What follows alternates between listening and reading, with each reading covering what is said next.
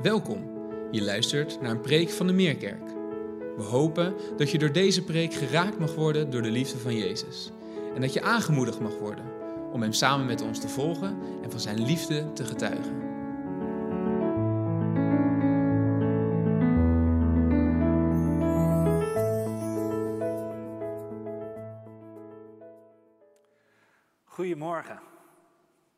Zoals uh, Trea net ook al zei, zitten we in een prekenserie, het feest van de navolging. En we lazen het net al, uh, de eerste gemeente, ze wijden zich aan vier dingen. Het onderricht van de apostelen, ze vormden een gemeenschap, en ze braken het brood met elkaar en ze wijden zich aan het gebed. Nou, vanochtend willen we bij dat tweede punt stilstaan. Ze vormden een gemeenschap. Nou, als ik even de zaal inkijk, dan zit hier ook een klein onderdeel van die meerkerkgemeenschap. En uh, nou, ik zei het net ook al, ik ben ontzettend blij om jullie hier te mogen verwelkomen. Mensen in de zaal. En ik weet het nog heel goed, een jaar geleden hadden we de voorbereidingsavond op dinsdagavond. En die zondag daarna was de eerste zondag van de lockdown, dat we niet bij elkaar konden komen. En geweldig dat jullie al zij het een jaar later, alsnog jullie ja-woord kunnen geven samen met de leden die dit jaar lid willen worden. Nou, en wat hebben we een vreemd jaar gehad? Hoe vaak hebben we dat niet tegen elkaar gezegd? Maar wat hebben we in dat afgelopen jaar elkaar toch ook vaak bemoedigd met woorden als: Oh, wat mis ik het? Wat mis ik het om in de kerk te komen? Wat mis ik het om, om, uh, om gewoon weer hier in de, in de kerkzaal op zondagochtend te zitten en de dienst mee te maken? Wat mis ik jullie? En dat is ontzettend bemoedigend om dat constant uh, te horen van elkaar. En zeker als we nu dan opstarten en afgelopen week uh, de eerste kringen hier op de campus hebben mogen verwelkomen. Vorige week een groot feest bij Expect de Jongeren. Om uh, daar weer met jongeren in de zaal te zitten. Is het geweldig dat we weer kunnen opstarten. En daar worden we allemaal heel erg blij van. Maar bij al deze verlangens om elkaar weer te zien, is het goed om je af te vragen: wat mis je dan precies? Of wat heb je dan precies gemist van dat samenkomen? De een zegt de sociale contacten, of de ander die zegt ja, het, het zingen in de dienst, dat, dat heb ik zo ontzettend gemist. Nou, bedenk voor jezelf wat het is. Wat heb jij gemist? Misschien heb je wel niet zoveel gemist en vind je het wel prima zo. Maar wat heeft de coronacrisis ons geleerd als het gaat om de essentie van een gemeenschap zijn met elkaar. Want het legt bloot wat we ten diepste missen als we van elkaar verstoken raken. Oftewel, het legt bloot wat jij ziet als de kern van deze gemeenschap. Waar draait het nou om? Wat is dat verlangen van jou om bij een gemeenschap te horen? Wat betekent het voor jou om gewoon weer samen te komen? Wat is gewoon? Nou, daarom willen we kijken juist naar die eerste gemeente. Wat was gewoon voor hun? En laten we dan drie vragen stellen. Waarom vormden zij een gemeenschap? En wat houdt dat dan in om zo'n gemeenschap te vormen? En hoe vormen wij zo'n gemeenschap? Dus de waarom-vraag, de wat-vraag en de hoe-vraag. Nou, de waarom-vraag, dan beginnen we bij wat we net ook al lazen bij vers 41 en 42. Degene die zijn woorden aanvaarden, lieten zich dopen. En op die dag breidde het aantal leerlingen zich uit met ongeveer 3000. Kan je het je voorstellen? 3000. Ze bleven trouw aan het onrecht van de apostelen, vormden een gemeenschap, braken het brood, wijden zich aan het gebed. Hun leven was compleet veranderd. Van de een op andere dag maakten ze opeens onderdeel uit van een gemeenschap. En je weet misschien wel hoe voorgangers, mensen zoals ik, vanaf een podium soms ja, mensen kunnen aanmoedigen om naar de kerk te komen, zeker rond Pasen en Kerst. Maar bij deze mensen hoefden de apostelen niet te leuren, als het ware, om mensen naar de samenkomsten te krijgen. Ze wilden, ze kon ze niet tegenhouden. En niet iedere zondag of iedere zaterdag, Iedere dag kwamen ze bij elkaar. Eerst in de tempel, vervolgens braken ze nog het brood met elkaar. Ze waren niet te stoppen. Er was iets radicaals veranderd in hun leven. En dit is een kenmerk van een werk van de Heilige Geest in hun hart. Het is de Heilige Geest die het verlangen bij mensen zoals jij en ik opwekt om deel uit te maken van een gemeenschap. Dat is een werk van God in ons hart, door zijn Heilige Geest. Net zoals dat hij, hij dat deed bij die eerste gemeente. Hij was het die dat verlangen heeft opgewekt. Hij was het die die gemeenschap heeft gevormd. En dat, nou, dan brengt dat ons uh, bij de vraag, hoe zit dat met ons? Hoe zit dat met mijn verlangen om deel uit te maken van een gemeenschap? Misschien is die wel heel sterk, juist nu het zo lang is geduurd, maar misschien is het wel ook een beetje weggeëpt. En uh, juist het kijken naar livestreams en bla bla bla, uh, moeizaam. Als dat het geval is, ja, bid dan dat de Heilige Geest dat verlangen weer mag opwekken bij je. Om deel uit te maken, actief deel uit te maken van een gemeenschap. Dat is een werk wat Hij doet. Ik kan jullie niet overtuigen om dat te doen. Dat is Gods werk. Want christen zijn betekent wel per definitie onderdeel uitmaken van een gemeenschap. Dat zagen we ook bij deze christenen. Ze werden geraakt en ze vroegen: wat moeten we doen? En het antwoord was: keer je af van je huidige leven, laat je dopen. En op het moment dat ze zich lieten dopen, maakten ze zich meteen, waren ze meteen onderdeel van die gemeenschap. In één dag, 3000, een gemeenschap. Dit komt ook terug in het missiestatement van ons als Meerkerk. Daar spreken we daarover. We zijn een gemeenschap van mensen die geraakt zijn door de liefde van Jezus Christus. Net zoals dat deze 3000 toehoorders diep in hun hart geraakt werden door de toespraak van Petrus. En vervolgens gaat het missiestatement verder. We weten ons geroepen om hem samen als gemeenschap ook te volgen. Nou, als er al een les is uit het boek van Handelingen, dan is het dit. Jezus werkt hier op aarde in en door zijn gemeente. Dat is de reden dat deze gemeenschap is ontstaan, deze eerste gemeenschap. Maar ook dat is ook de reden dat wij als Meerkerk ons bestaans, daar kennen we ons bestaansrecht in, daar hebben we dat in. En ik moet eerlijk toegeven, toen ik mij deze vraag stelde, in de voorbereiding op deze preek, waarom vormden ze een gemeenschap, dat ik al heel snel ging denken in pragmatische redenen. Om uit te leggen wat is het nut, hè, waarom vormen we nou een gemeenschap met elkaar? Wat, wat heb ik daaraan of wat heb jij daaraan om onderdeel uit te maken van een gemeenschap?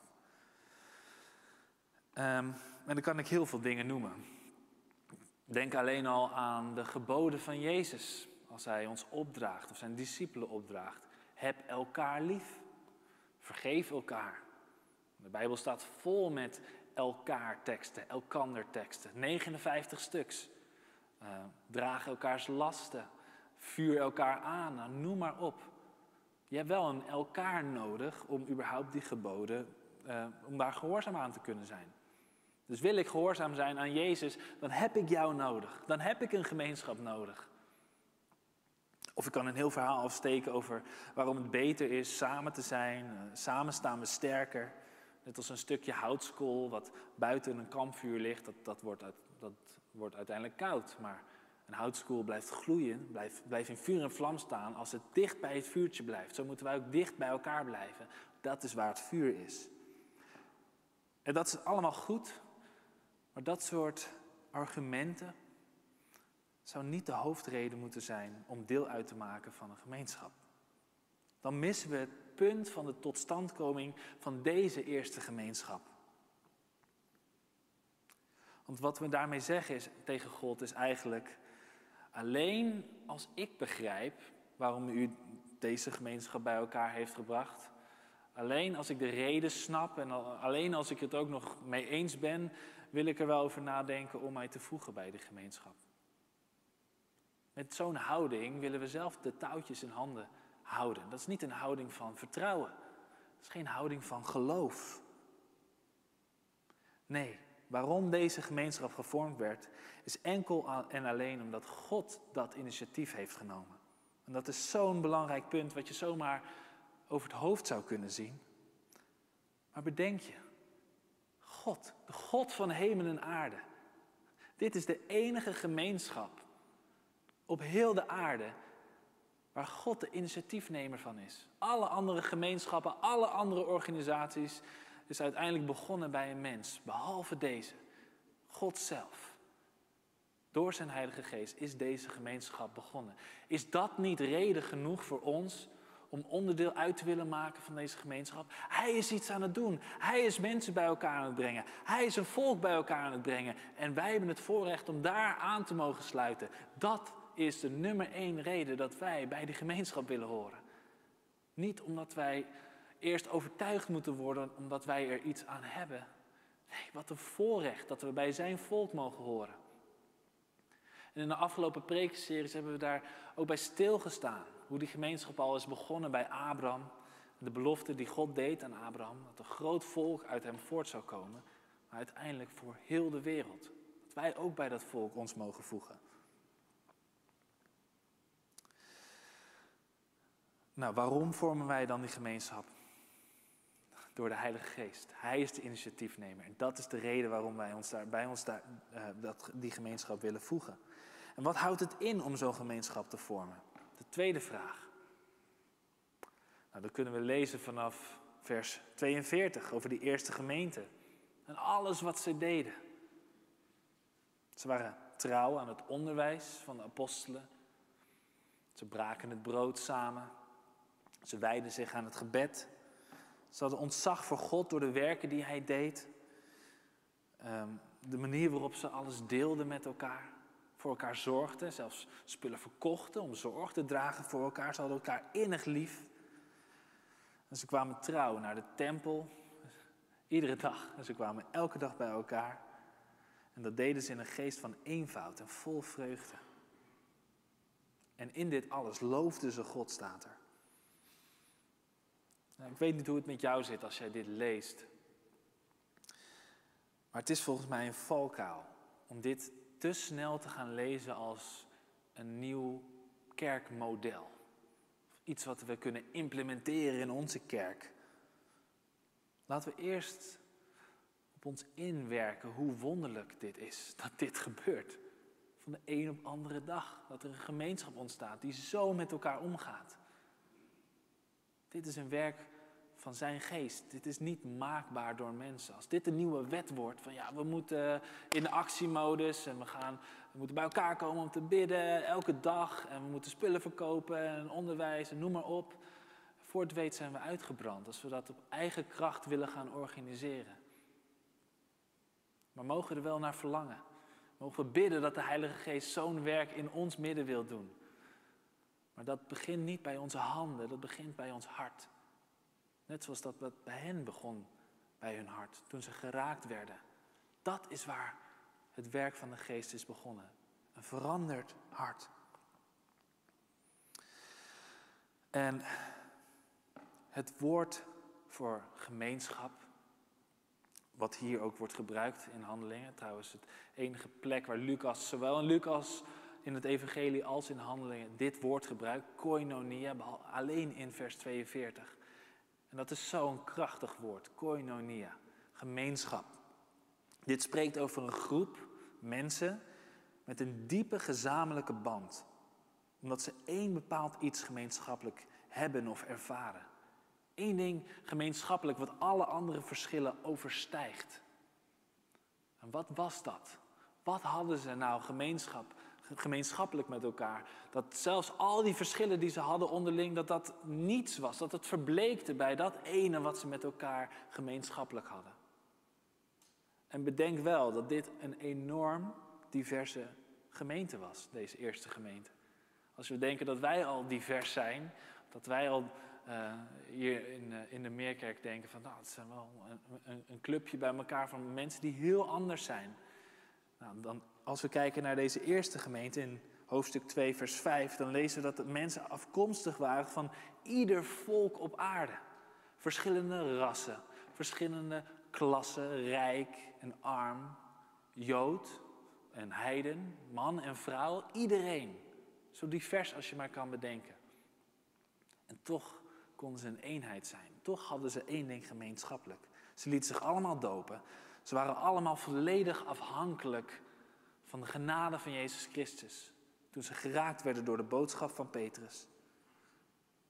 Dat, die genade van Jezus, geraakt zijn door zijn liefde, dat was de gemeenschappelijke wortel van deze gemeenschap, waarop al deze uitingen waarvan we net lazen, dat, dat is daaruit ontstaan. Maar het is begin, begonnen bij die wortel van een veranderd en aangeraakt hart door de liefde van Jezus. Dit vormde een diepe band met elkaar. En als ik dat dan lees, dan vraag ik me af, is dat ook wat onze band met elkaar, zoals we hier zitten, is dit hetgeen wat ons aan elkaar bindt? Zijn we een gemeenschap omdat we dit ene gemeenschappelijk hebben? Ik heb het idee dat we, als we over dat evangelie praten, over de liefde van Jezus, dat we het allemaal beamen met ons hoofd. Absoluut, we, hebben er, we zijn het allemaal mee eens. Maar op het moment dat we erover hebben gesproken, is het dan ook weer een afgesloten hoofdstuk en dan gaan we weer verder. Nou, dat hebben we gehad, het evangelie, een soort uh, basis van het christelijk geloof. En nu willen we, uh, nu willen we ook wat andere onderwerpen gaan bespreken. En uh, we kunnen het evangelie zo plat maken soms. Dan lijkt het alsof Jezus alleen gekomen is om een juridisch probleem op te lossen. Van, ah, deze mensen hier hebben de wet gebroken. Dat is een probleem. Nou, ik wil wel heel graag dat ze voor eeuwig bij me zijn. Dus Jezus is naar de aarde gekomen en die is nou, voor Jantje, die heeft die en die wet uh, gebroken. Daar is hij voor gestorven. Heel goed. Uh, heel erg fijn. Hij is vergeven. Hij kan nu voor eeuwigheid in de hemel zijn. Nou, Heer, dank u wel dat u voor mij dat heeft gedaan. Ziezo, hebben we dat ook weer opgelost. En dan gaan we weer verder. Maar wij hebben niet alleen de wetten van God gebroken. Dat is niet de kern van het probleem. De kern van het probleem is dat we Gods hart hebben gebroken. Het kruis is niet een zakelijke of een juridische oplossing. Nee, het is relationeel. Bekering betekent niet dat we sorry zeggen voor onze zonde en proberen ons best te doen om ermee te stoppen. Bekering betekent dat we niet meer willen zondigen, omdat we God ermee pijn doen. Maar aan de andere kant zien we ook dat we niet kunnen stoppen met zondigen, omdat het in onze natuur zit. En dat we God nodig hebben om ons hart te veranderen. Dat is bekering. Jezus zegt in Johannes 14, vers 21, wie mijn geboden kent en wie zich eraan houdt aan die geboden, heeft mij lief. Gehoorzaamheid gaat niet alleen maar over, over wetten en regels. Het gaat over liefde. Je, je krijgt een afkeer, als het ware, van de dingen waar God een afkeer van heeft. En je krijgt een liefde voor de dingen waar God een liefde voor heeft. Dan voelen we ons niet alleen schuldig over wat we fout doen, dan, dan walgen we ervan. Dan hebben we een afkeer tegen. Niet alleen sorry, ik heb de regels verbroken. Nee, vergeef me dat ik uw hart heb verbroken. En dat ik dat doe keer op keer. Dan krijgen we een afkeer van onze ik-gerichtheid. Uh, de lelijke woorden die we soms uit kunnen spreken. De liefdeloze, lege dingen die we soms kunnen doen. Dan walgen we van die trotse, neerbuigende gedachten over ons collega of over een familielid. Laatst wandelde ik met een vriend en we zaten gewoon te praten en op een gegeven moment vloepte er een, een cynische, sarcastische opmerking uit mijn mond. En het ging over een andere persoon. Het was niet aardig, maar het was ook onschuldig en grappig bedoeld. Maar toch aan het eind van, van de wandeling kwam hij erop terug. Ja, je zei toen iets over die persoon en dat was niet helemaal dat was niet helemaal zuiver. Wat zat daarachter? En toen hadden we het daarover en toen gingen mijn ogen als het ware open van ja, je hebt gelijk. Je hebt gelijk, wat, dat, die opmerking kwam uit een heel duister plekje in mijn hart. Mijn ogen gingen ervoor open en dacht, wat, wat, wat walgelijk om zo neerbuigend over iemand anders te denken. Wat moet God hier wel niet van vinden? En we mochten en we konden gelukkig dit afsluiten in gebed samen, ook om vergeving te vragen en te ontvangen van Jezus. Maar dat is wat bekering is. Niet een eenmalig event. Dit was ook een bekering. Een bekering van die specifieke zonde toen. En ik mocht daar vergeving voor ontvangen. Het is, we zongen het net, een feest van genade. Maar het is niet een eenmalig feest van genade. Nee, iedere dag is het weer een feest van genade. En ik zou bijna willen zeggen dat het feest van genade naadloos overloopt in het feest van navolging. Dat we iedere dag ons leven willen afleggen aan Jezus Christus.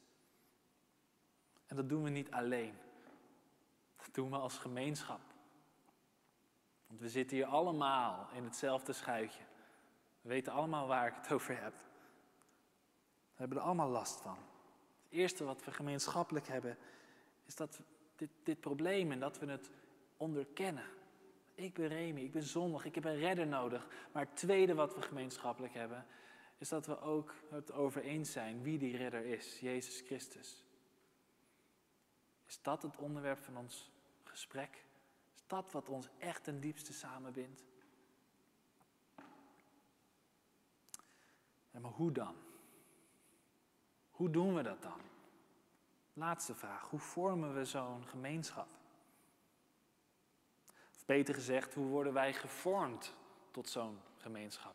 Wij zijn niet degene die dat werk doen. Het is de Heilige Geest die dat werk in ons doet. Alleen het evangelie kan ons van binnenuit veranderen. Net zoals dat de eerste christenen van binnenuit veranderd waren. Wat mij toen ik dit stuk las was vers 46. Er staat, ze kwamen bijeen in een geest van eenvoud en vol vreugde. Het Griekse woord wat hier met eenvoud vertaald is, is aphelotes, wat ook vertaald kan worden met nederigheid. Dus dit is de houding van een, van een christen. Dit was de houding van, van die eerste christenen. Een combinatie van aan de ene kant nederigheid, eenvoud, niet, niet te hoog van de toren blazen, nee. En aan de andere kant was het vreugde. Het Griekse woord wat daar voor vreugde gebruikt wordt, is niet gewoon blij, nee, het is extreem blij. Dansen, het uitschreeuwen blij. Dat zijn twee eigenlijk tegen, tegengestelde uh, eigenschappen. En op een of andere manier in het evangelie komen die bij elkaar. Want aan de ene kant zijn we nederig, dat we erkennen dat we zondaars zijn. Dat we erkennen dat we een redder nodig hebben. Dan gaan we wel een toontje lager zingen.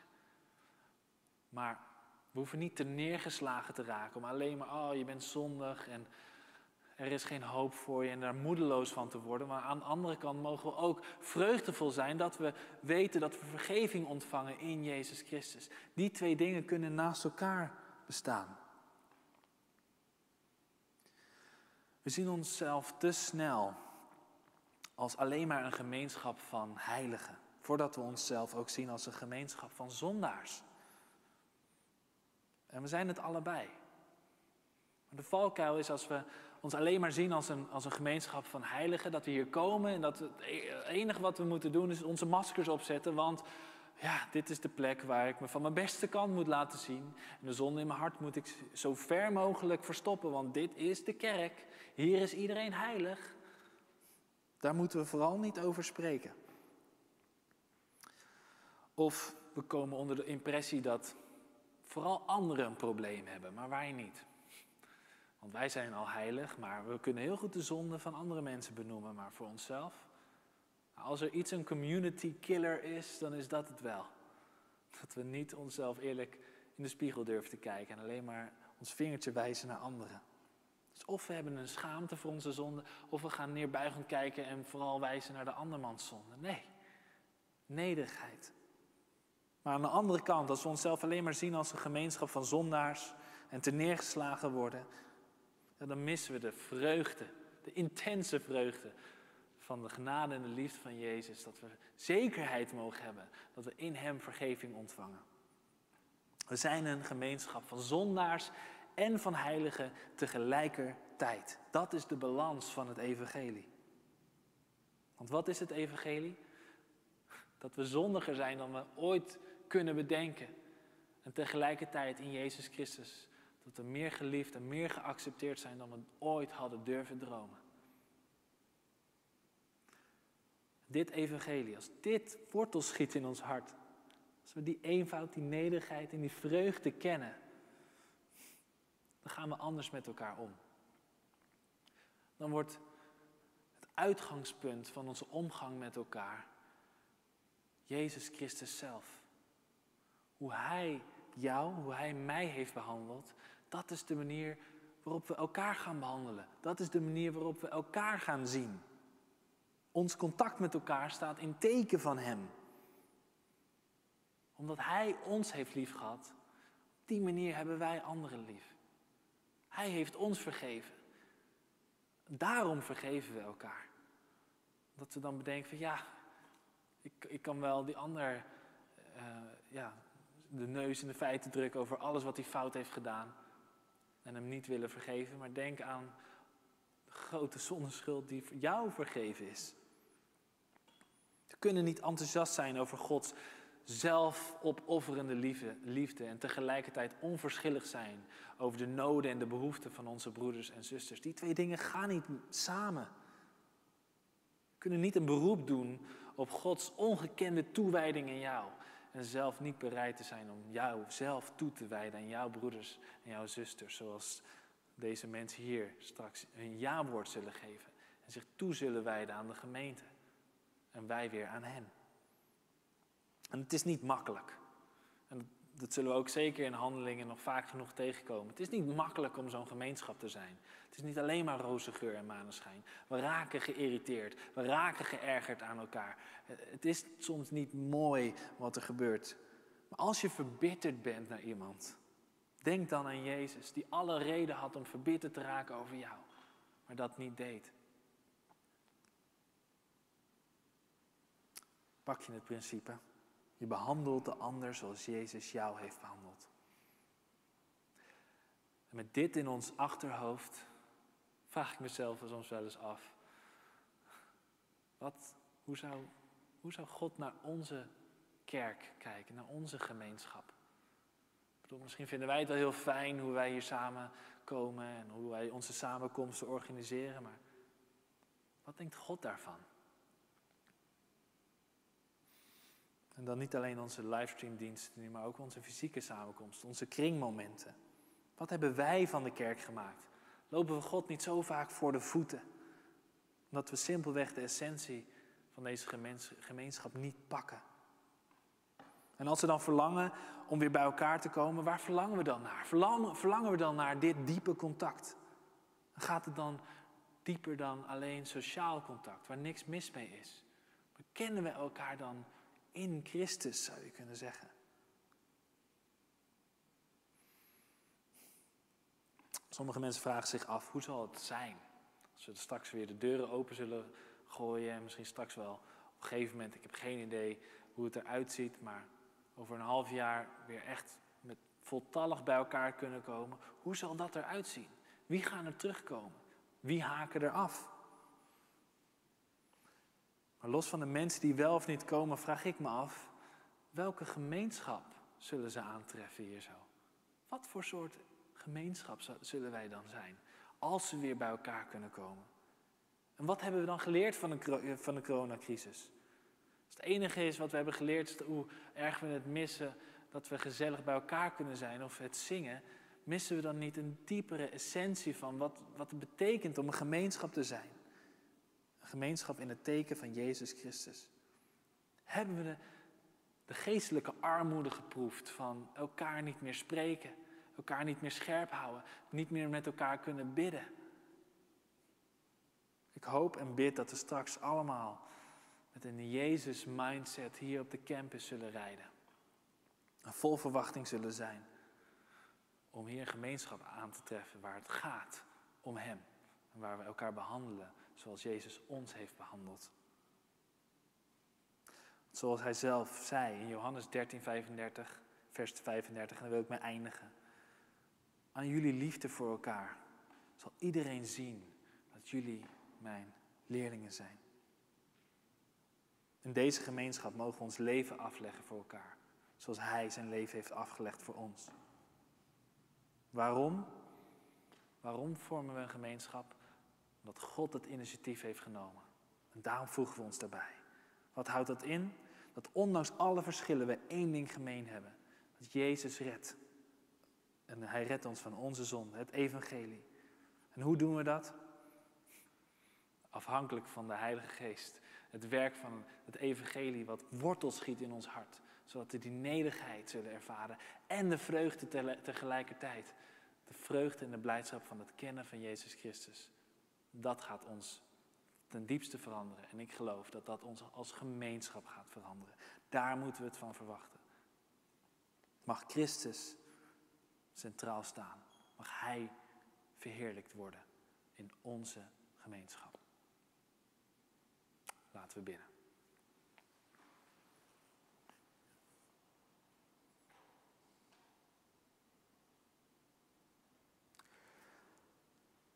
Vader in de hemel, we willen u danken, Heer, voor de eerste gemeente. We willen u danken voor de gemeenschap die zij vormden met elkaar. We willen danken dat het uw werk was. Dat het niet zomaar een gemeenschap was waar iemand dacht, laten we bij elkaar komen, laten we samen een gemeenschap vormen. Nee, u heeft deze mensen aan elkaar gegeven. Het is een wonder. Het is een wonder hoe zij met elkaar omgingen, omdat ze diep in hun hart veranderd waren door uw geest. En zo, ruim 2000 jaar later, staan we hier. Zitten we hier, vormen we hier een gemeenschap. Mag datzelfde ons aan elkaar binden. Als we een koinonia zijn, een gemeenschap, mogen we datzelfde gemeenschappelijk hebben. Dat we u kennen en veranderd zijn door uw liefde en niets anders willen dan veranderd blijven, geheiligd worden, gereinigd van alle zonde in ons hart. Zodat we meer en meer op u zullen lijken. Wilt u ons helpen om elkaar daarin te helpen, elkaar erin te scherpen. Om zo'n gemeenschap te zijn. Die aan de ene kant zo nederig is, om te inzien, ik heb zo, ik ben zo afhankelijk van u. En tegelijkertijd zo blij en zo vreugdevol omdat u antwoordt. U laat ons niet op onze knieën vergaan, nee.